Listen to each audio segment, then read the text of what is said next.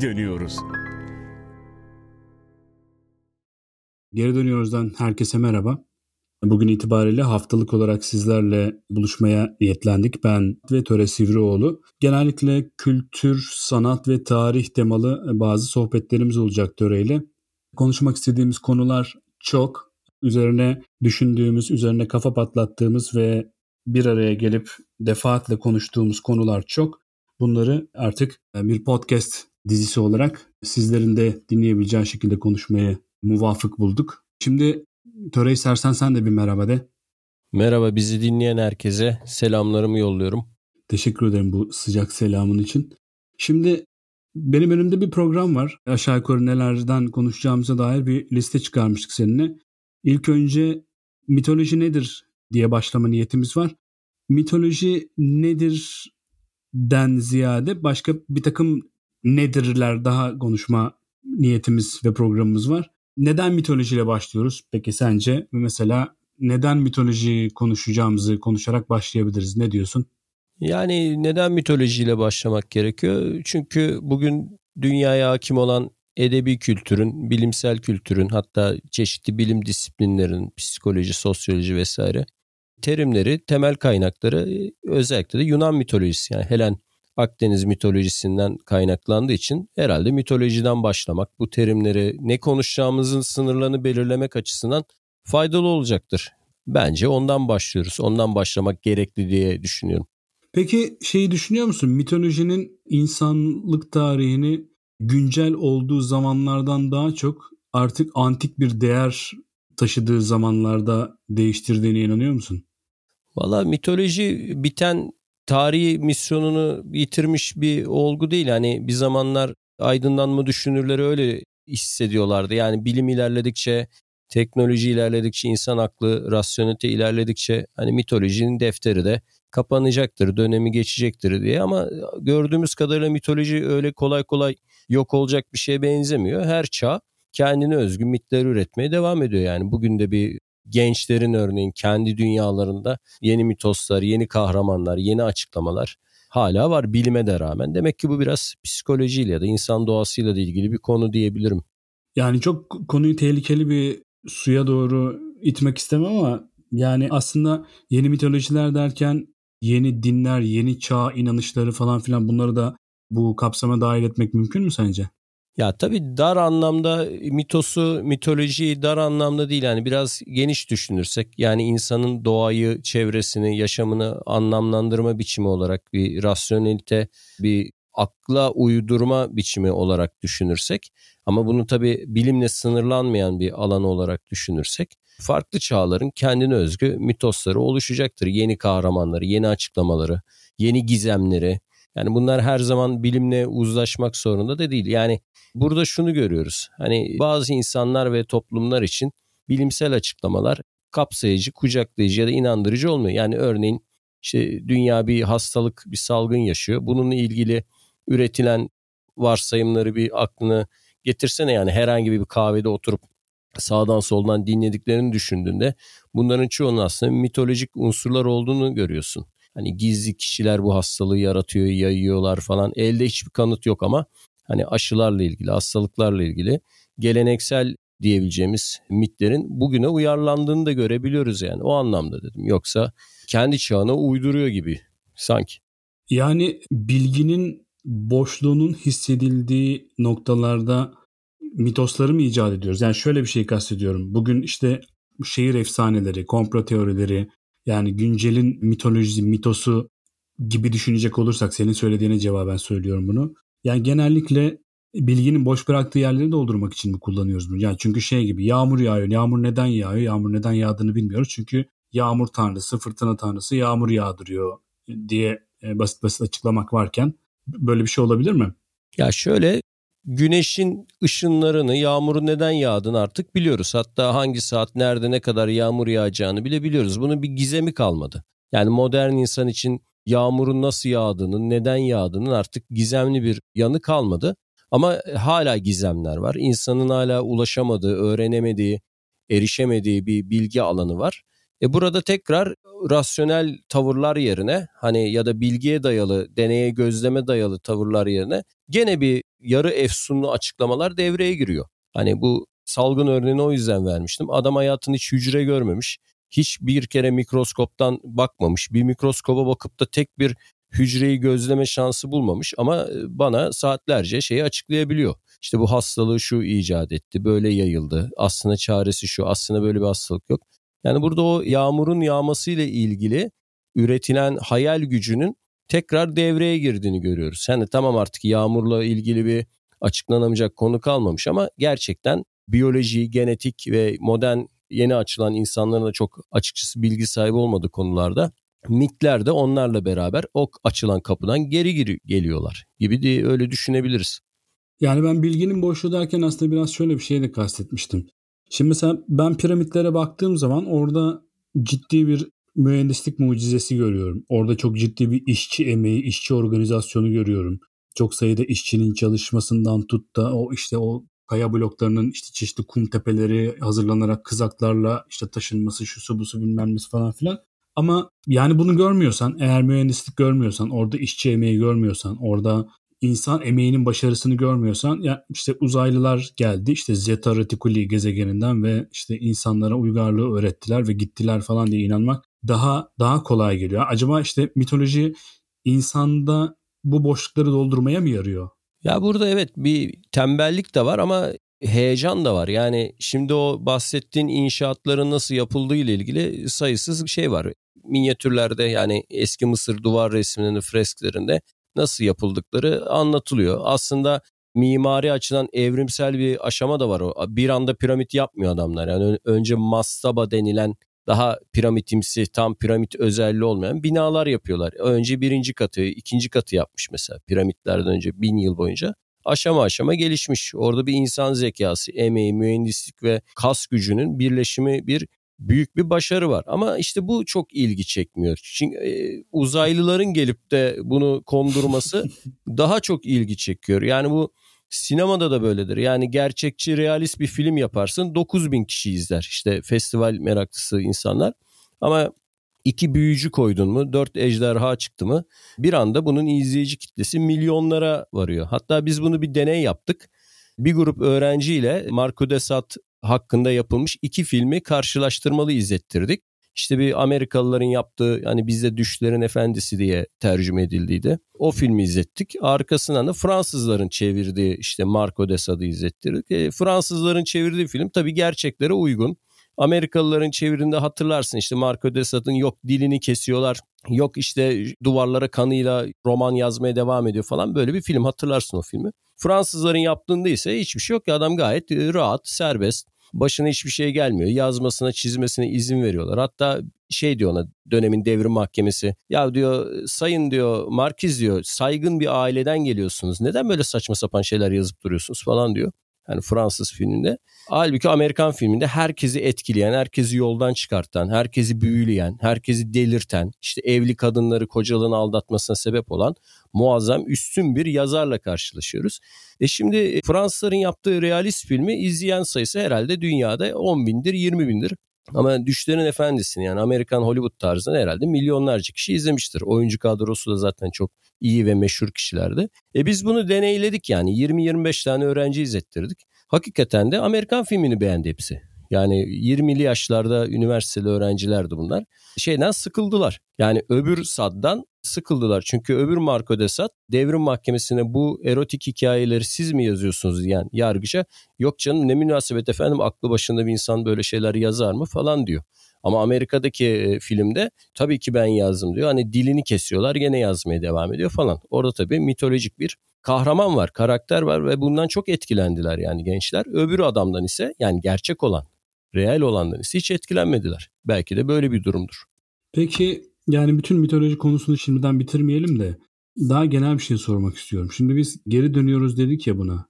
Biz neden geri dönüyoruz abi? Yani biz mesela yani hem seni düşündüğüm zaman hem kendi okuma maceramı yani eğitim maceramı düşündüğüm zaman yani hep tarih okuduk, arkeoloji okuduk. Hep böyle çocukluğumuzdan beri hep mitoloji okuruz, tarih okuruz, siyasi tarih okuruz, kültür tarih okuruz. Yani senle ben üzerinde demiyorum ama hani sen de ben de burada hazırda bulunduğumuz için sana soruyorum bunu.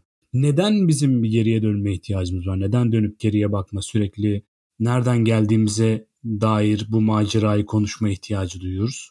Tür olarak da bu ihtiyacı duyuyoruz. Çünkü nereden geldiğimizi bilmiyoruz. Yani hiçbir açıklamada bütünüyle bunu tamamlayıcı bir şekilde, tatmin edici bir şekilde bize vermiyor. Büyük boşluklar var. Yani işte bilim birçok konuda ileri adımlar attı ama yani bütün boşlukları şu an kapatabilecek durumda hala değiliz. Kültürel olarak da nereden geldiğimizi bilmiyoruz. Yani bizim gibi ülkelerde yetişen işte asbel kader çeşitli kültürlerin karışımıyla karşılaşmış gençler ve bizim yaş grubumuz yani doğulu muyuz, batılı mıyız, biz neyiz, kimiz? Kimlik sorununun yoğun yaşandığı bir ülkede yetişiyorsun. Kuşak çatışmasını bir yandan yaşıyorsun. Çünkü hani kendi dedeni düşünüyorsun. İşte mesela fotoğraf çektirmeye bile çekinen dedelerin evinde büyüyorsun. Sonra kendi çocuğunu düşünüyorsun. Aradaki uçuruma bakıyorsun. Yani 2-3 kuşakta yaşanan muazzam değişimleri görüyorsun. Buna bir cevap arıyorsun yani çünkü bir arayış içindesin. Olgunlaşmış bir kültür kimliği içinde değilsin değiliz yani. O yüzden de sanırım dönem dönem geriye bakıp nerede kaldık, nereden geliyoruz sorusunu soracağız. Bir de yaş olarak da şu an tam onu soracak aşamadayız. Çünkü artık çocuk değiliz, ihtiyar da değiliz. Bir şeyleri konuşacak, düşünecek ve anlayacak yaşa. Hani Konfüçyüs'ün sözü var ya 30 yaşında kendime geldim, 40 yaşında kendimi buldum öyle gidiyor. Onun gibi o yaş grubu içindeyiz. O yüzden de tam zamanı herhalde bilmiyorum. Yani şimdi zaten bizim yaş grubumuz tam ne söylemek istiyorsa söyleyeceği aşamaya varmış durumda. Zaten bir 5-10 sene daha gecikirsek artık yavaş yavaş unutmaya başlarız ne söyleyeceğimizi. Ama mesela hani şöyle de bir şey var. Yani biz evet geçmişe özlem duyuyoruz. Geçmişte işte bir takım değerlerin e, şimdikinden daha göz önünde olduğunu, gözetildiğini düşünüyoruz. İşte geçmişi merak ediyoruz.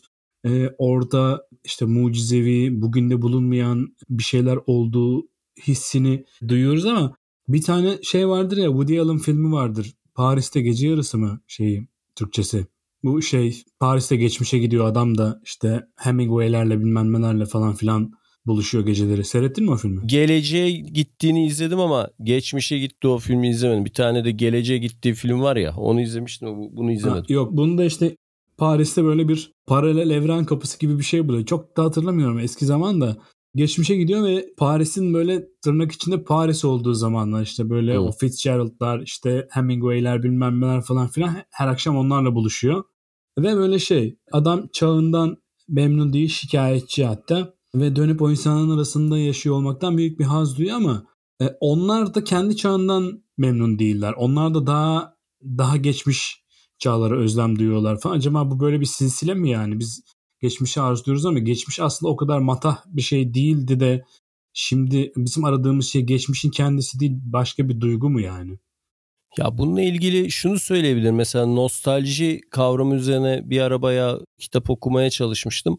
Kaybolan, geçmiş kaybolan ülkeler bu toplumlarda hep var.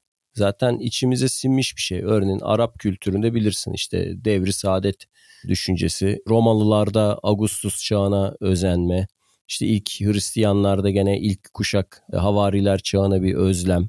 Yani insanlar daima kaybolmuş, eskide kalmış bir takım dönemleri idealleştirerek yüceltmiş. İşte Osmanlılarda da var ya hani Kanuni döneminde duyulan bir hani mükemmel olduğunu sanma. Hatta çok ilginç bu Beyazıt döneminde, Yıldırım Beyazıt döneminde yazılan kitaplarda bile geçmişe özlem var.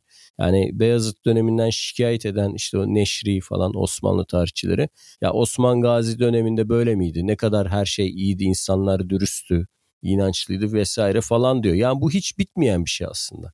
Yani her dönemde hatta bir Rus yazarı şey demişti. İşte Sovyetler Birliği zamanında geçmişe çarlık zamanlarına özenilirdi. Şimdi işte Sovyet zamanlarına özeniliyor. Yani Ruslar asla günümüzde yaşayamıyorlar. Hep bir kaybolan geçmişte yaşıyorlar diye demişti. Bu bizim gibi özellikle yani Türk toplumunda da yani geçmişte büyük imparatorluklar kurmuş. Bir şekilde büyük devletler kurmuş ama sonra bunları koruyamamış, sürdürememiş. Bazı uluslarda daha yoğun olabilir. Yani Fransızlar da düşün bir dönem e, dünyaya hakim bir güçtü. Yani Kanada'dan Vietnam'a kadar Afrika'nın yarısını yöneten işte Fransızca dünyanın en değerli diliydi. 17. 18. yüzyıllarda en önemli dildi. Yani şimdi o bir Fransız gibi de düşündüğünde Hani 18. 19. yüzyılda yaratılmış büyük Fransız kültürün kaçta kaçı hani 20. yüzyılda devam etti ve şimdiye kadar gelebildi. O yüzden hani onlarda da benzer bir nostalji oluşması doğal. Yani asıl mesele senin söylediklerinden çıkardığım galiba geçmişte bir şey aramakla ilgili değil, geçmişi bulunduğumuz yerden layıkıyla çok değişmez bir şey olduğu için layıkıyla idealize edebiliyor olmak herhalde. Yani geç geleceği bu kadar idealize edemiyoruz ama geçmişi edebiliyoruz. Çünkü geçmiş çok donuk bir malzeme. Yani o böyle bizim işleyebileceğimiz, bizim üzerine bir şeyler katabileceğimiz bir şey değil. Yani çok böyle bütün verileriyle elimizde hatta verilerin bir kısmıyla ama değişmez verilerle elimizde bulunan bir şey olduğu için onu daha kolay idealize edebildiğimiz için belki de geçmişi bu kadar seviyoruz. Tabii ki gelecek yani bu ütopik edebiyatta, ütopyalarda yani genellikle ütopyalar çok büyük halk kesimleri tarafından takip edilen türler değil. Ama geçmişe ait bir simge bulduğun zaman insanlar bunları hatırladığı için yani atalarından dedelerinden kalan daha elle tutulur kanıtlarla var olduğu için belki de daha sıcak bir şekilde insanlara ulaşıyor. Yani ütopyayı çünkü bir birey kendi hayalinde yaratıyor. Yani gelecekte böyle olacak. Ama geçmişle ilgili veriler ortada. Yani ne kadar modernleşsen de bir caminin bir kilisenin önünden geçiyorsun ya da dedenden bir şeyler dinlemişsin. Ya bir müzeye gitmişsin, bir film, tarihi film izlemişsin. Herkesin aklına az çok bir geçmiş imgesi var. E gelecek daha bireysel, geçmiş biraz daha kolektif gibi. Ya zaten ulusları oluşturan kolektif hafıza derler ya buna. Hani geçmiş biraz ona hizmet eden ortak bir kolektif hafıza gibi. Tabii bu doğru olduğu ya da nesnel olduğu, bilimsel olduğu anlamına gelmiyor. O ayrı konu. Valla ben çok tatmin oldum bu cevabından ya. Bilmiyorum ben de tatmin oldum galiba. Tam şimdi ne dediğimi hatırlayamıyorum ama. evet evet. Yani yeniden dinleyebilirsin. Yani, evet. yani gelecek çok bireysel bir projeksiyon ama geçmiş daha kolektif, daha üzerinde ortaklaştığımız bir şey olduğu için e, onu idealize etmek daha kolay oluyor.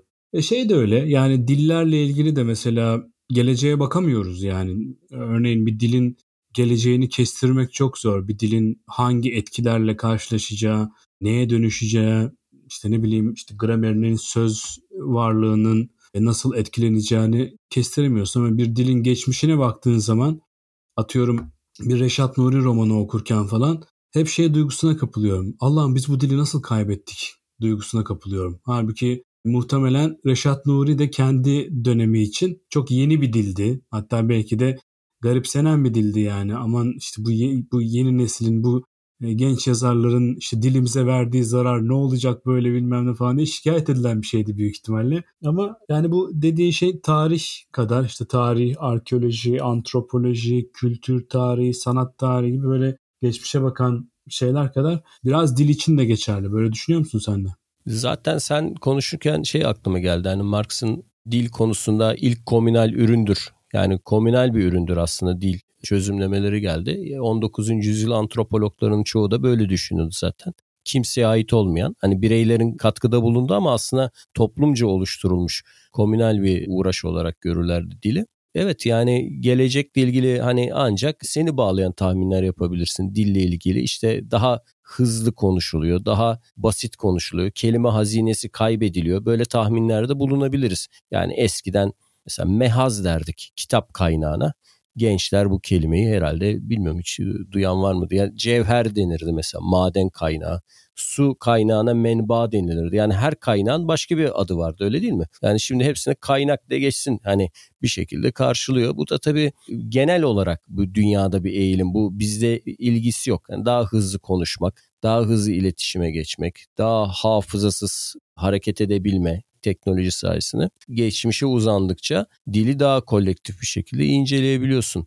Böyle diyebiliriz. Yani gelecekle ilgili dil tahmini sadece hani daha basit bir şey üzerine olabilir ama tam tabii bir şey diyemeyiz. Ya da daha karışacağı yani daha kozmopolit olabileceği üzerine bir tahminde bulunabiliriz. Ama gerçekçi olmayacaktır yani. Bireysel olacaktır. Yani ben tabii Osmanlıca ile çok haşır neşir olduğum için sen de öylesin onu da hani bildiğimden söylüyorum. E, son zamanlarda yakın zamanda bir tane Osmanlı polisiyesi çevirdim. Çok eğlenceli Hı. bir kitaptı. Sonra aynı yazarın bir başka tırnak içinde polisiye kitabını buldum şimdi. Yan Kesiciler Kraliçesi diye onu çeviriyorum. Hatta bitirmek üzereyim. Teslim edeceğim e, böyle bir 10-15 güne. Tabii Osmanlı diyorum ama 1927'de yazılmış ikisi de aslında ikisi de, ikisi de Cumhuriyet kitabı. Fakat şey harf devrimine yetişememişler. Harf devrimine yetişememekle birlikte aslında dil devrimine de yetişememişler. Dolayısıyla o yüzden Osmanlıca sayılırlar. Yani tam Türkiye Türkçesi, modern Türkçe e, sayılmazlar ve bu ve bu kitapları okurken benim hissettiğim, benim fark ettiğim şey şu. Çok alelade e, gündelik hayatta kullanılan ve muhtemelen günlük gazetelere yazılan tefrikalardan derlenmiş kitaplar bunlar. Ve mesela birçok kelimeyi ya ben bunu günlük hayatta ya da yazarken falan kullanırım diye böyle şey yapıyorum. Bir tane defterim var oraya kaydediyorum. Ve mesela şeyi kullanmak için can atıyorum ya. O kitaplardan yakaladığım ve hani zaten bildiğim ama yine önüme çıkınca beni heyecanlandıran. Mesela muhavere sözcüğünü çok çok seviyorum. Ve mesela muhavereyi artık kullanmıyoruz. Geçenlerde bir öykü atölyesi gibi bir şey yapmıştık. Orada katılımcılara sordum. Muhavereyi hiç duydunuz mu? Dedim ki yaş ortalaması 30'un üstünde bir topluluktu. Hiç kimse duymamıştı. Yani hiç kimse hatırlayamadı muhaberenin ne demek olduğunu. Şey diyen oldu. Muhabereyle Hı. karıştıran oldu. Telsiz falan gibi bir şeyler miydi hocam falan diyen oldu. Fakat muhabere aynısı İbranice'de de var olan bir kök bu. HVR kökü. Hatta İbranice'de haver arkadaş demektir. Bir yerde mesela arkadaşlar diye sesleneceksin mesela haverim diye seslenirsin mesela. İşte bu muhavere yani karşılıklı sohbet etme, işte arkadaşlık etme, yarenlik etme sözü acayip hoşuma gidiyor. Bu havari aynı kökten geliyor değil mi? Evet evet işte havarelik etme yani şey muhavere olunca mütekabiliyet vezni ya o karşılık karşılıklı yapmaya işaret ediyor. Yani böyle karşılıklı konuşma, sohbet etme falan filan yani muhaveresi ve bir süre daha kapının önünde muhavere ettiler falan. O kadar hoşuma gidiyor ki. Ama yani dil çok çok zamanına sıkışmış bir şey. Yani hani ya ben bu kelimeyi çok beğeniyorum diye kullanamazsın yani. Çünkü dil seni konuştuğun dil karşındakinin anladığıdır çoğunlukla. Dolayısıyla hani böyle bir dil kurmak yani eğer böyle işte İhsan Oktay Anar gibi işte Puslu Kıtalar Atlası gibi böyle hani kendine has bir dilsel coğrafyası kendine has bir dilsel atmosferi olan kurulu bir kitap meydana getirmiyorsan işte çat diye bu kelimeleri kullanamıyorsun yani. Neyse böyle dert yanmış oldum. İyi Ama oldu. muhavereyi şey yapabiliriz. Podcast'imizi bir tarih ve kültür muhaveresi diye duyurabiliriz bundan sonra bence.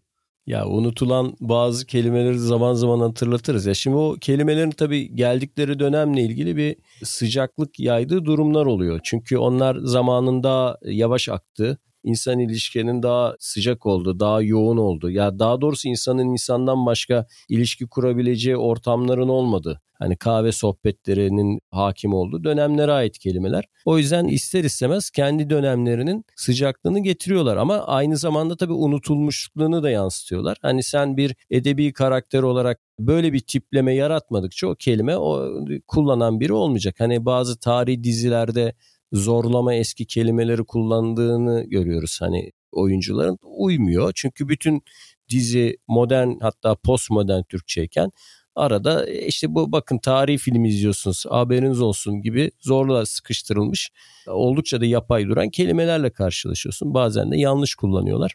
Zaten neticede hani o kelimelerin bize daha sıcak gelmesi, daha içten olması tabii manevi çağrışımları da oluyor. Örneğin hani müsterih ol örneğin. Yani Hı-hı. sakin olunu falan karşılamayan ya da rahat olunu hiçbir şekilde karşılamayan çok kendine özgü ve benim kendi kişisel hayatımda da çok etkisi olan bir sözcüktür. Benim çok üzüldüğüm zamanlarda babam derdi bunu mesela ve gerçekten bu kelimenin sakinleştirici bir aurası vardır yani. Ben de hakikaten buna bizzat kendimde yaşadım. Yani bunu karşılayabilecek modern bir kelime herhalde yok.